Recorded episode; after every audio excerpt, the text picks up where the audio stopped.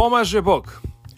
Ovo je podcast advokata i narodnog poslanika Vladimira Đukanovića. Vi ste već navikli da u ovom podcastu se bavimo pravnom tematikom. Pokušavamo ljudima da približimo pravo, da lajku prikažemo neka prava koja on ima i da to može da shvati na ovako jedan plastičan i dobar način. Trudimo se da vam što više prikažemo od čega se sve sastoji naša, naše, e, naša ustavno-pravna materija, upravno-pravna materija, krivično-pravna, građansko-pravna i tako dalje i tako dalje. Elem, e, neretko na stupcima naše dnevne štampe kao i televizijskim prilozima mi se obradujemo kada se uhapsi neki političar i to neskriveno se narod onda obraduje a najčešće to hapšenje se dešava zbog takozvanog krivičnog dela zloupotrebe službenog položaja. Inače definisano članom 359 krivičnog zakonika Republike Srbije. Već smo u ranijim nekim podcastima govorili o krivičnom delu trgovine uticajem, koje se takođe vezuje neretko za ljude na određenim položajima, ali i koji ne moraju da budu na određenim položajima, dovoljno da imaju samo društveni uticaj, odnosno a, da budu dovoljno društveno uticajni kako bi se reklo da mogu da izvrša ovakvo jedno delo i samim tim smo nekako se složili da bi to krivično delo moralo ili da se precizira ili da se izbriše, zato što po logici kako je ono definisano, jedno 90% građana Srbije bi moglo da se nađe u krivičnom a, delu a, trgovine uticajem. Kod zlopotrebe službenog položaja to je nešto preciznije definisano i odnosi se isključivo a, na lica koje su na određenom službenom položaju. Ali i ovo kako je definisano moram da kažem da ima ozbiljne probleme i mislim da naše krivično zakonodavstvo a, zahteva određeno preciziranje i samu izmenu ovog ovog člana 359 jer e, upravo zbog ovakve nepreciznosti i kako je postavljeno dolazimo često do situacije da se mnogi koji su očito zloupotrebili službeni položaj izvuku iz prostog razloga jer je tužiocu jako teško da dokaže zloupotrebu službenog položaja. Kako zapravo glasi i na šta se sve odnosi zloupotreba službenog položaja. Prvo moramo da e, naglasimo da bi se izvršila zloupotreba službenog položaja, znači isključivo može da je izvrši lice koje se nalazi na službenom položaju. A s druge strane, to lice mora to krivično delo da učini sa umišljem. E sad, to je neretko tužiocima ozbiljan problem, jer stvarno može da se u praksi dogodi da je čovek koji je bio na određenom službenom položaju uradio ili učinio nešto ili je propustio da učini nešto, a da nije ni bio svestan da time čini krivično delo. I u toj situaciji kada vi imate posledicu, imate očito delo, a nije on izvršio s umišljem, stvarno čovjek dokaže da je nešto uradio u nekoj zabludi ili nije bio dovoljno upoznat sa tim, kako onda da ga, da ga osudite. Zato, a, upravo zbog toga što ovo delo može samo umišljem da se izvrši, tužioci neretko bivaju u problemu da ovo delo i kao takvo dokažu. Na šta se odnosi ovo krivično delo? Kaže ovako.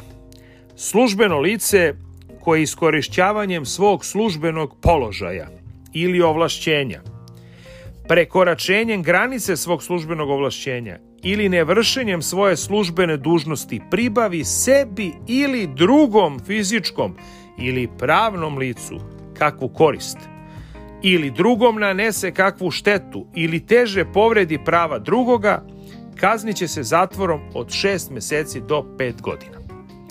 Ovako kad pročitate samo ovo delo, deluje vam da je to sve ok, da je to sasvim super. Međutim, ajde malo da uđemo u dubinu. Prvo, službeno lice koje iskorišćavanjem svog službenog položaja ili ovlašćenja prekoračenjem granice svog službenog ovlašćenja. Ajde da se zadržimo prekoračenje granice svog službenog ovlašćenja. A možda je recimo zaista čovjek bio u potpunoj zabludi da je prekoračio i možda je radio zaista po nekoj savesti misleći da radi nešto dobro, ne znajući da time što to radi recimo, recimo ovaj, dolazi u situaciju da prekoračuje granice svog ovlašćenja. I takvog čoveka onda ste dužni da osudite. Pa onda kaže dalje. Ili nevršenjem svoje službene dužnosti pribavi sebi ili, ili drugome. Znači, ako nije uradio nešto, bio je dužan da uradi, da uradi nešto što je u interesu službe. A šta recimo ako zaista nije bio svestan i nije imao pojma da trebalo tako nešto da uradi, jednostavno smatrao da bi trebalo drugačije da postupi. Šta onda da radimo? Kaznit će se opet taj čovek ili se neće kazniti, a recimo delo postoje. Znači imamo ozbiljan ovde problem, zato što ovo delo samo može da se izvrši sa umišljem.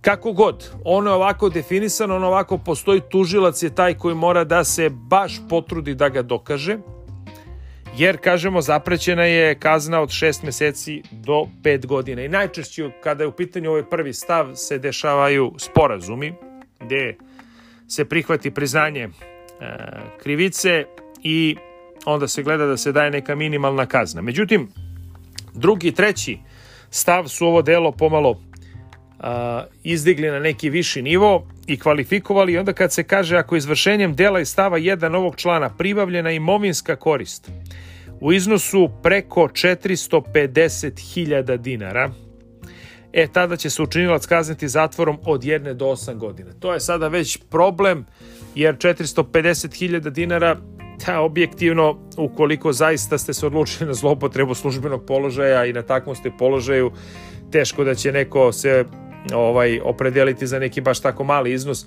sve preko 450.000 dinara bi odosto od jedne do 8 godina u zatvor.